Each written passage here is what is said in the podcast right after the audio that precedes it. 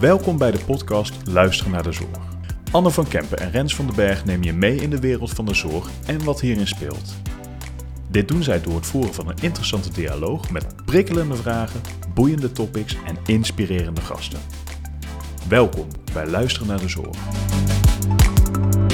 Welkom eh, bij een nieuwe aflevering van eh, deze podcast Luisteren naar de Zorg. Vandaag eh, hebben we een gesprek met Senna. Um, en Senna werkt bij Zorg op Duinen in, in Bokstel op het Wereldhuis. Senna, kan jij eens beginnen met jezelf voor te stellen? ten allereerste dankjewel dat ik hier vandaag mocht zijn.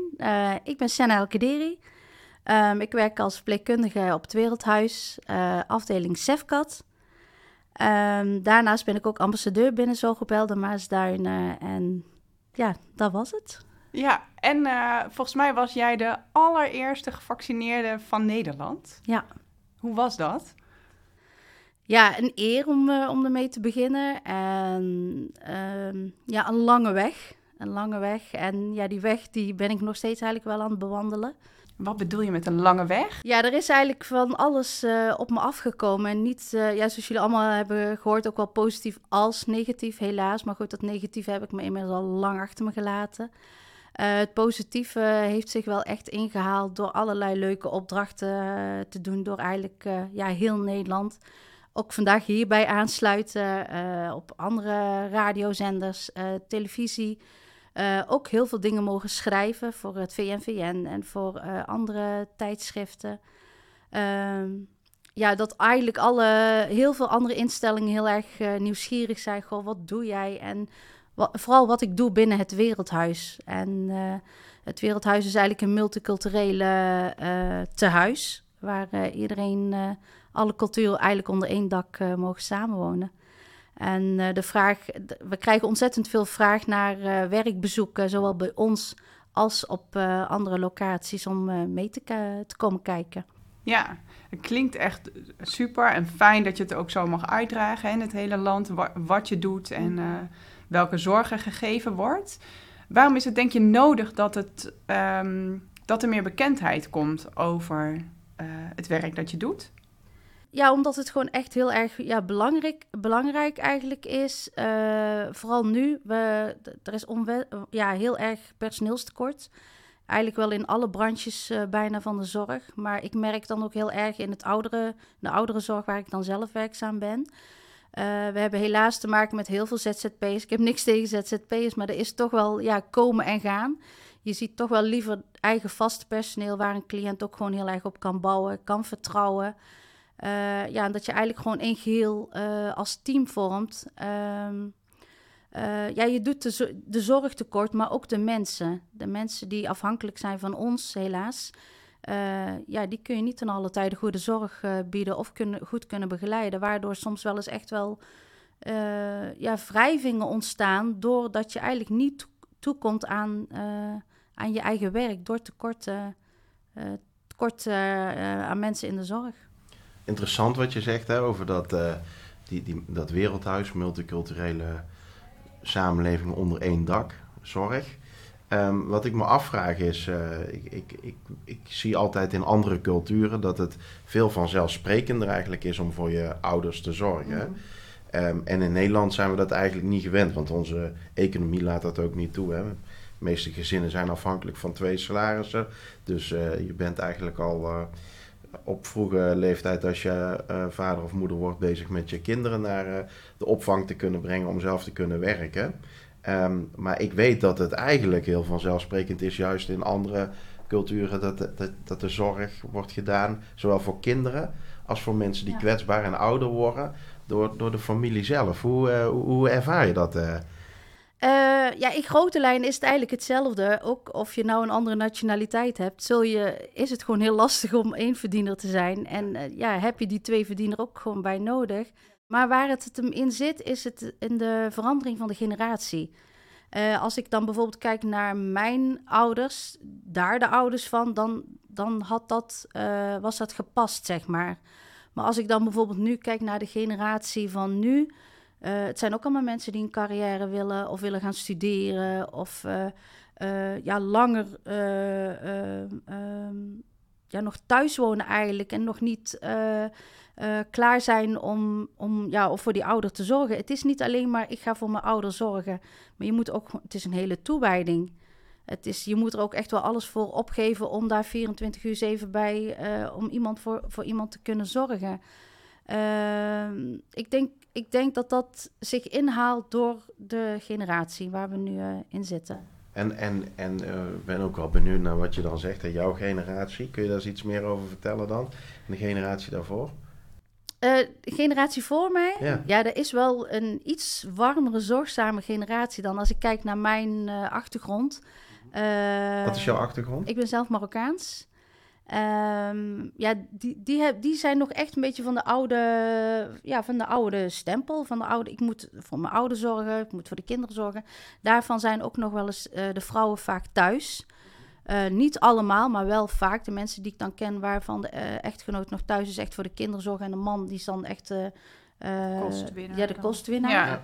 Kijk, daar zou het eventueel wel bij kunnen. Maar echt als ik zelf...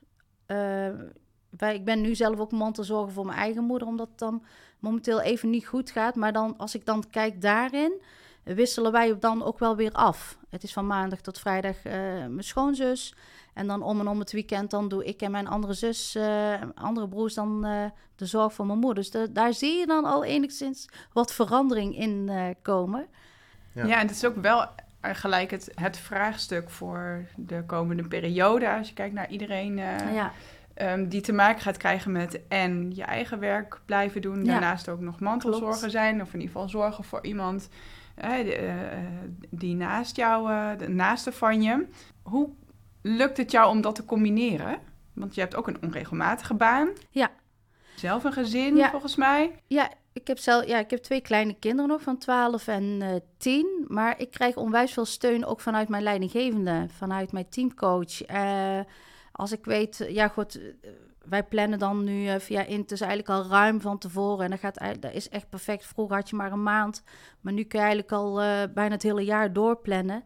En mocht er echt iets tussen komen, ja, alles is gewoon bespreekbaar. En dat is het fijne hebben van een leidinggevende die eh, ja, die ruimdenkend is en met jou meedenken. Het is niet alleen maar de diensten vol krijgen. Nee, het is ook, zij kijkt ook op lange termijn. Weet je, het is ook geven en nemen. En, en ook het team. Bij, hè? Het team vind ik ook wel heel erg belangrijk. Als er bijvoorbeeld eh, ehm, een collega een kind ziek thuis heeft. Ja, vroeger was dat niet te bedenken dat de collega naar huis mocht. Snap je? Ja, maar ja, goed, je moet werken en een kind... eh, Zorgen, regel het maar. Ja, regel het eh, maar. Ja, ja, ja. Ja, dat, dat is nu al lang niet meer. Als je een heel warm en vertrouwd team hebt, ja, dan kan ik die collega ook ja, alleen al zonder eigenlijk te overleggen met de rest van gewoon maar lekker naar huis, want je hebt een ziek kind thuis. Het is gewoon heel erg vertrouwen hebben in elkaar. Ja, en daardoor geef je Ja. natuurlijk ook weer meer op het moment Ja, dat iemand zeker. anders het even nodig heeft. Ja. Eh, wel mooi inderdaad. Dus wil je in staat kunnen zijn om en voor je gezin te zorgen, te werken en mantelzorger te zijn, heb je eigenlijk een goed team nodig. Ja. Hè, Ja. Wat kan bouwen en kan steunen op elkaar. Maar daarnaast ook een leidinggevende die met Ja, je zeker. meedenkt. Zeker. eh, en er niet alleen maar is voor het maken Nee. van een planning of de Nee. Nee, daar, daar, wij mogen echt in ons eh, handen klappen met eh, de team, ja, leidinggevende teamcoach die wij nu hebben. Nou ja, dat Echt, eh, is ook hè, wel, wel het idee van een teamcoach. Een teamcoach eh Ja. coacht het team, maar is daarnaast ook Ja. de leidinggevende. Ehm, en toch wat je soms ook in de praktijk ziet gebeuren, is soms de balans zoeken tussen bezig zijn met dus alleen de planning en verzuim. ja. Maar daarnaast ook aandacht hebben voor het team. Ja, zeker. Ja, ook weten wat er in je team speelt. En eh, zodat je dingen ook gewoon sneller kan signaleren. En eh, ja, eigenlijk kan tackelen als het, waarbij het niet eh, goed gaat. En ik denk dat dat wel echt de kracht moet zijn van een teamcoach. om die dingen te bezitten, ja, in bezit te hebben. Om een goed team te laten draaien. En even een bruggetje naar de andere kant. Voeren jullie dat soort gesprekken ook? Stel, iemand komt bij jullie wonen en een, een familielid of een naaste komt mee van degene die bij jullie komt wonen. Voeren jullie dan ook het gesprek met de naaste over van, goh, wat kun je eh, betekenen in de zorgverlening? Wat heb je ervoor nodig? Ja, wij bespreken eigenlijk altijd wel bij, eh, bij een opnamegesprek. Want bij ons, vooral omdat wij een ja, cultuurspecifieke afdeling zijn, willen wij eigenlijk ook gewoon eh, niet alles afnemen van de familie. Want ja, wat je dan net zegt van goh, zorgen tot, tot het einde eigenlijk, daar is het ook gewoon mogelijk. Het is niet je komt eh, eh, je vader of moeder afgeven en dat was het. Nee, je mag ook best wel ja, vaker op een week mijn part komen douchen of koken. ja. Ja, snap Ja. je? Alles is gewoon bespreekbaar. Het moet niet ophouden bij, bij de voordeur.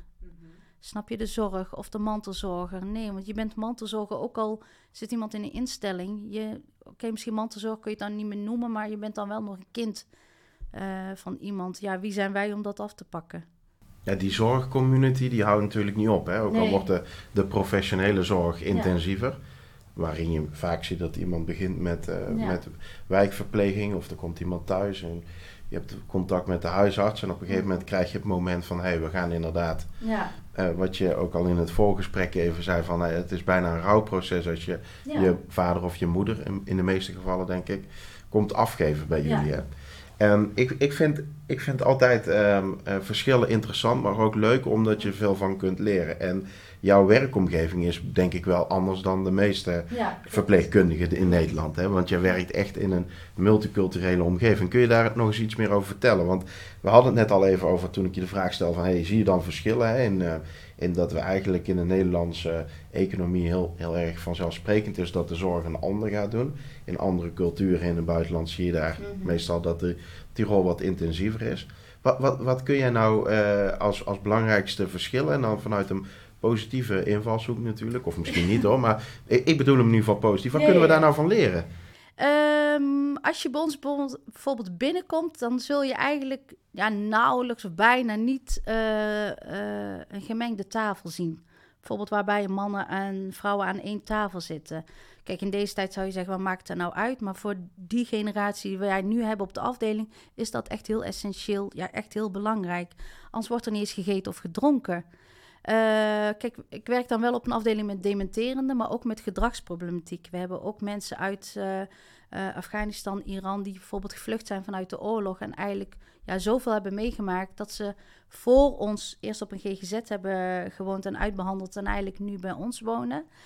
Ehm, en we hebben ook nog eens gewoon somatische cli- eh, cliënten. Dus het zijn eigenlijk drie groepen: PG en somatiek PG en somatiek en eh, ja, GGZ ja. gedrags, zwaar gedragsproblematiek. Eh, waarbij eh, ik heb ook Nederlandse collega's die eigenlijk inmiddels een beetje ingeburgerd zijn in de gewoontes. Dan moet je denken aan de gewoontes, is dat wij bijvoorbeeld 's ochtends een heel uitgebreid ontbijt hebben. Het is niet een boterham met kaas en een kop thee. Het gebeurt wel eens, maar het is altijd echt wel heel uitgebreid eh, ontbijt. Dan moet je denken aan ja, salades, verschillende beleg, verschillende soorten brood, koffie en thee. Ook weer ja, Turks thee, Marokkaanse thee. Wij eten twee keer per warm per dag. En dan wordt eh, bij ons worden, wordt er gewoon zelf gekookt op de afdeling. Eh, Door wie wordt er gekookt? eh, we hebben ja, koks in, in, eh, in dienst, maar die ook als gastvrouwen werken. Dus eigenlijk een beetje combibaan. En komt Ehm, familie ook wel eens helpen met koken? Want volgens mij Kan. zei je net Ja, zoiets van ja, dat ja, jullie hoor. mensen Ja. daartoe ook uitnodigen. Ja, soep eh, komen ze wel eens eh, maken, omdat, eh, omdat dat dan ooit een keer een lievelingssoep was van eh, een van de ouders, zeg maar. Mhm. En ja, de keuken is gewoon open voor Maakt eh, dat dan iedereen. voor de gehele Ja, afdeling? Ja, voor de hele Eh, afdeling. ja. Ja. Ehm, ja, of ze komen dan eh één keer in de zoveel tijd eh, met... Ja, bijvoorbeeld, het is ook wel heel erg druk als het Ramadan is straks. Dan eh, wordt er eigenlijk van alles gebracht door de familieleden om eh, eh, ja, een ander ook mee te laten genieten. Sowieso is dat al bij ons heel erg in het geloven om ook, ook andere mensen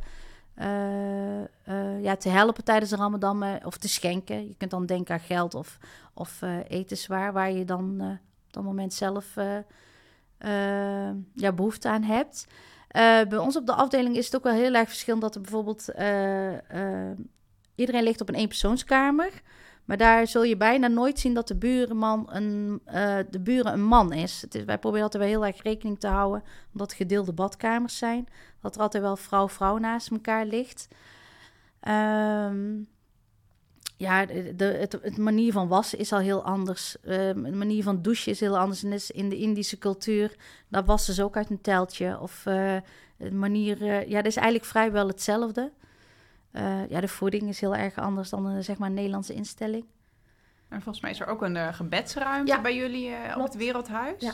Wordt, wordt daar gebruik van gemaakt? Ja, ook wel van buitenaf eh, mag men daar komen binnen. Eh, ja, zowel de moskee als de kapel, daar die zitten nog geen twee meter tussen. Dus dat gaat allemaal prima. En op vrijdag maken bij ons de, de bewoners daar eh, gebruik mee. Want dan komt de imam ook in huis. Die dan het gebed eh, doet. Het is dan niet het gebed zoals het echt in de moskee gaat. Omdat je dan toch te maken hebt met ja, mensen die een dementie hebben. Dus dan gaat dat niet echt altijd. Maar de ja, intentie is, is goed. Ja, en, en eh, eigenlijk hou je daarmee de rituelen vast. Ja, precies. Daar gaat het misschien nog meer om, zou ik me zo kunnen voorstellen, dan uh, dat je een gehele ja, gebed ja.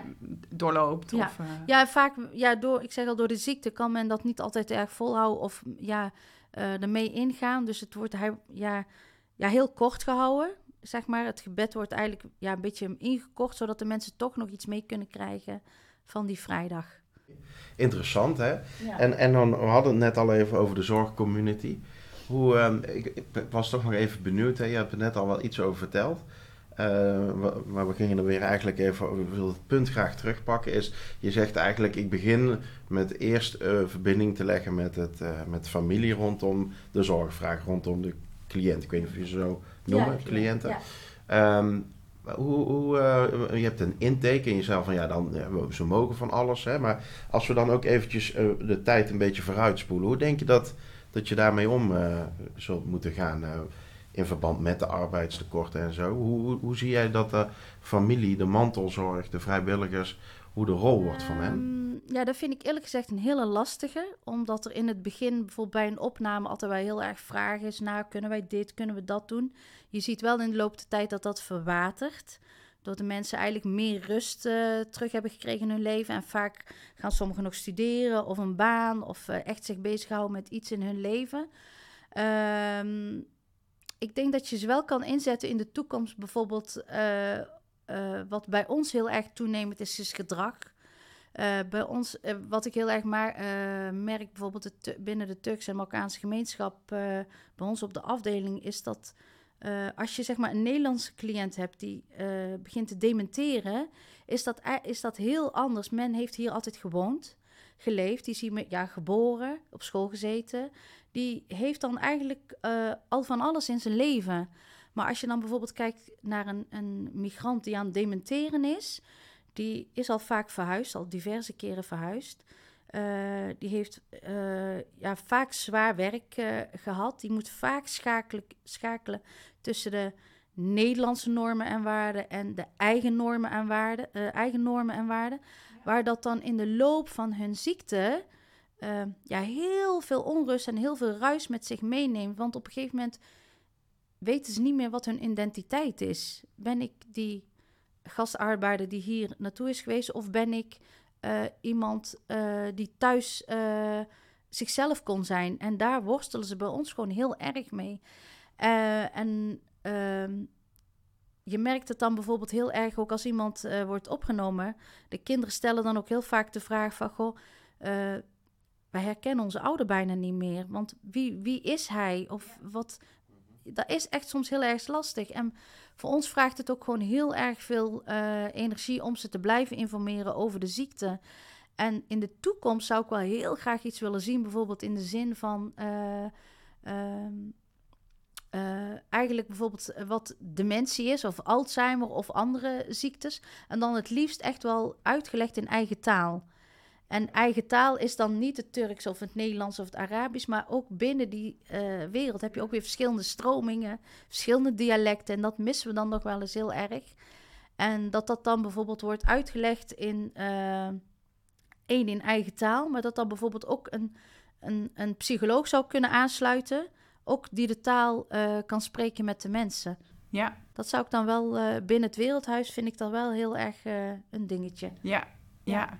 En ik was nog wel benieuwd, hè, want je vertelde net over uh, de worsteling eigenlijk van iemand, uh, een migrant ja. met dementie. Um, wat betekent dat voor jou als professional? Hoe ga jij daarmee om? In relatie tot de bewoner of de cliënt? Ja, lastig, want soms denkt men van ja, omdat jij zelf ook van buitenlandse afkomst bent, dan doe je dat wel. Of dan uh, zie jij dat veel eerder. Of uh, uh, dat, dat ik hun rol dan eigenlijk overneem. Van de naaste. Van de naaste, dat je dan eigenlijk iemands ogen of oren wordt. Ja, maar zo, ja, dat werkt gewoon zo niet. En dan breng je dat terug en daar zit dan af en toe nog wel eens eh, een eh, knik in die kabel. Ja, en wat, en wat kan jij betekenen ten opzichte van de cliënt of de bewoner op het moment dat die daar zo mee aan het worstelen is? Ja, blijven voorlichten. De familie vooral blijven voorlichten. En eh, de cliënt ook goed kunnen begeleiden in eigen taal. En te zien achterkomen waar, waarom iemand zo reageert. Of waar die woede of dat ineens oplopen van spanning, waar dat vandaan komt. En hoe, hoe probeer je daarachter te komen bij de cliënt? Observeren, observeren. En eh, het zit hem in hele kleine woordjes. Soms ben ik ook wel eens echt continu aan het schrijven dat ik denk van... Oh ja, daar link ik dan daaraan. Of hij zal dat wel hebben bedoeld. En dan hoop ik in grote lijnen dat ik een verhaal heb. Mhm. Wat ik dan terug kan geven aan de familie. Van goh, ik heb dit en dit gesignaleerd. Heeft dat zich ooit afgespeeld? Want is het een ja, dan weet ik wat ik ermee kan doen. Zo niet, dan ga ik dan weer op zoek naar andere aanknopingspunten. Maar wat ook heel erg lastig is, Maar, sorry, ik- heb je een voorbeeld waarbij je zo aan het zoeken was en, en dat je erachter kwam van hé, hey, het Ja. zit hem hierin? ja, Wil je die delen? Ja, ik, dat is eh, twaalf jaar geleden, toen, eh, toen ik net op Sefcat kwam werken. Toen hadden wij een, een cliënt, een Turkse dame, die ja, heel erg onrustig werd van de ramen of spiegels. Eh, of het douchen, dat ging al niet meer. En je, je mocht er gewoon niet aanraken, je mocht gewoon helemaal niks. En op een gegeven moment dacht ik, nou oké, goed, ze moet even erin komen, ze moet even aarden, ze moet even landen. Maar goed, na een half jaar was dat nog precies hetzelfde. En toen merkten wij dus eigenlijk dat ze onrustig werd van haar eigen zelfbeeld. Nou goed, de ramen hadden we dan met folie afgedekt, de spiegels hadden we inmiddels opgeruimd, maar daar bleef het dan niet bij. Mhm. En dan langzamerhand weet je dus dat mevrouw iets heeft meegemaakt. Want de woorden die zij dan in het Turks had verteld, konden collega's dan weer eh, vertalen naar mij. Nou, goh, Senna, wij denken toch echt wel dat er vrij ja, groot iets is gebeurd in haar leven Mhm. aan geweld of agressie of misbruik. Dat konden we niet echt heel goed plaatsen. Maar dan, dan heb je die informatie, maar hoe breng je dat dan terug naar de Ja. familie? Hoe vraag je dat? Want vaak weten de kinderen ook niet eens, eh, vooral in die generatie, wat zich heeft afgespeeld. Hè? Eh, vroeger, ja, die mevrouw was al op haar vijftiende uitgehuwelijkt. Ehm, ik denk als je dan op die leeftijd eh, bent uitgehuwelijkt, je weet helemaal niet eens wat er met je gebeurt. Laat staan nog als daar een misbruik of wat dan ook bij komt.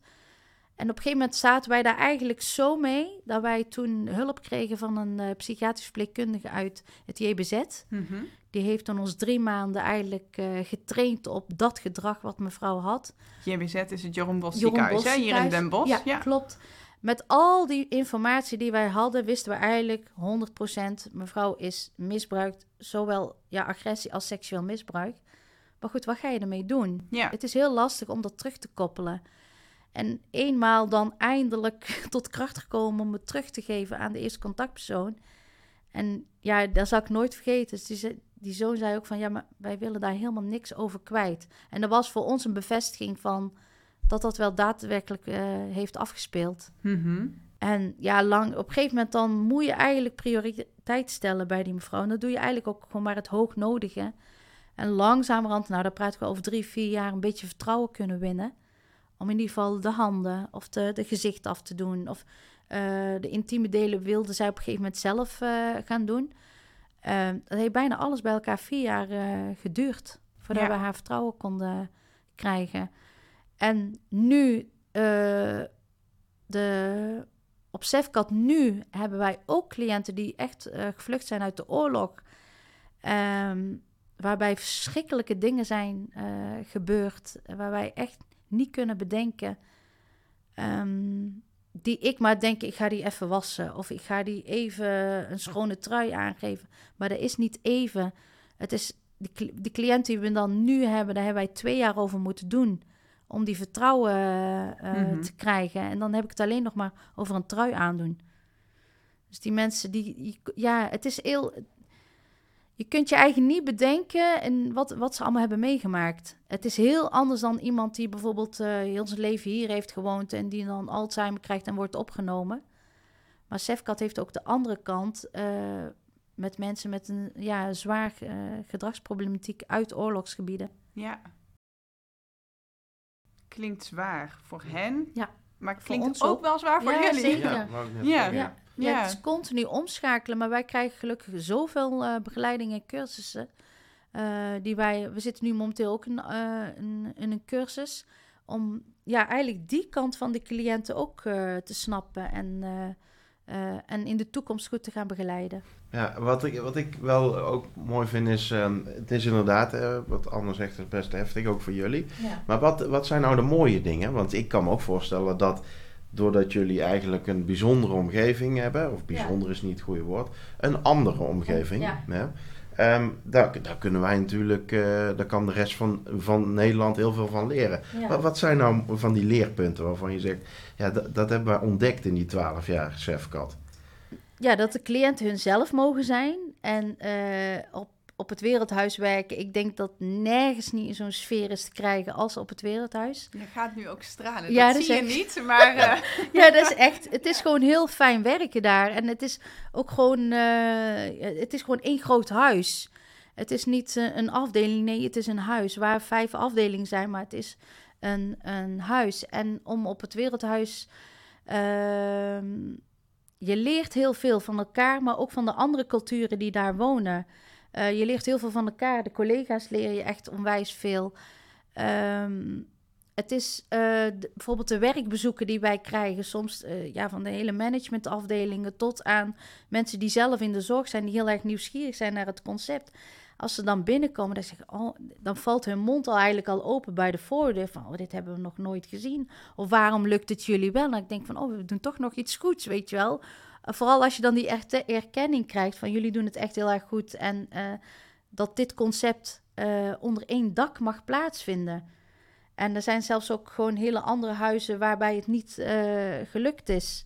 En dan denk ik van ja, dit is toch wel heel erg mooi dat wij. En wat leer je daar dan van dat het niet gelukt is? Dat jullie toch de vrijheid krijgen aan Ja. de ene kant Ja. van de organisatie, het management. ja. Maar ook denk ik een beetje de mensen die er werken, als ik dat zo Ja, jezelf. Je bent continu eh, op zoek naar verbetering. Je bent continu op zoek naar hoe kunnen wij dit beter. En ook bijvoorbeeld nu ook voor de mensen die bij ons wonen met zware gedragsproblemen. Kijk, die wonen nu gewoon op de afdeling met andere mensen met dementie. Maar goed, wij weten in de toekomst dat dat niet gaat. Wij weten in de toekomst dat het gedragsprobleem alleen maar groter wordt. En ik denk als ik mijn moeder of vader met dementie naar een verpleeghuis breng, dan wil ik daar rust voor hebben. En niet helemaal gemengd eh, eh, zien leven met zwaar gedragsproblematiek. Wij zijn nu ook wel echt aan het uitbreiden. Wij willen straks een. eh, ik ben samen bezig met een collega een cursus aan het schrijven. En die willen wij straks ook gaan geven aan toekomstige collega's die bij ons komen werken. Maar ook aan de familieleden. Wat het, wat het inhoudt om op Sefcat te mogen komen wonen. En wat het ook inhoudt om. mensen Dat vind ik heel mooi dat naast. Hè? Dan komen we weer op die zorgcommunity Ja. die we eigenlijk nodig Ja. hebben. Ja, Dus eigenlijk zeg je van de rol van een verpleegkundige bij jullie in dit geval is ook dat je Ja. de mantelzorgers of de familie, de Mhm. informele zorg noemen we dat dan ook wel, dat je die gaat een cursus gaat geven. Die ga je als het ware trainen. Ja. En wat ga je ze dan leren? Eh, waar ze eigenlijk rekening mee moeten houden. Het zit hem soms wel eens in hele kleine dingen. En waar de familie nu heel erg tegenaan loopt, bijvoorbeeld, is dat ze ze niet meer herkennen. Ja. Dat, ze de kinderen, dat- dat de kinderen niet meer herkend worden door de ouder. En dan brengt dat soms ja, een hele hoop emoties met zich mee. En om, is, het is eigenlijk aan hun leren hoe ze daarmee om moeten gaan. En dat ze daar eigenlijk gewoon eh, eh, bepaalde dingen die komen, eh, die voortkomen uit die ziekte, dat ze daar eigenlijk dat dat niks persoonlijks is. En vaak wordt dingen nog wel eens bij ons heel erg eh, gelinkt met het geloof en zo. Maar Alzheimer of dementie heeft niks te maken met het geloof. En dat zie je dan wel eens bij die ja, generatie voor mij, dat ze daar nog wel heel erg mee bezig zijn of heel erg zoekende zijn in het geloof en iemand met Alzheimer. Eh, wij willen ze ook gewoon heel graag meegeven dat, dat het eigenlijk een, een ziekte is. ehm, ehm, een ziekte is, zeg maar, waar verschillende gedragingen in zijn. Kijk, want soms is de vraag, ja, maar goh, zij herkent haar moeder nog wel. Waarom de mijne mij niet meer? ja. En dan Zien zitten ook weer dan verschillende gebeuren, stadiums, ja. weet je Ja. wel, om, ze- om ze dat eh, mee te geven. En Ja. waarom ook vooral, eh, zodat de, het personeel de rust kan krijgen om hun werk te doen. Als hun het snappen, dan kunnen wij ons werk goed doen. Want vraag, de vraag is continu waarom dit, waarom dat, waarom dit. En waarom dat dat allemaal is, omdat ze de ziekte niet begrijpen. En ik denk als je dat dan voor bent, ik denk dat je, dat, dat dan een hele hoop scheelt voor, eh, het personeel. Ja, kan ik me ook voorstellen. Wanneer gaan jullie beginnen met de cursus?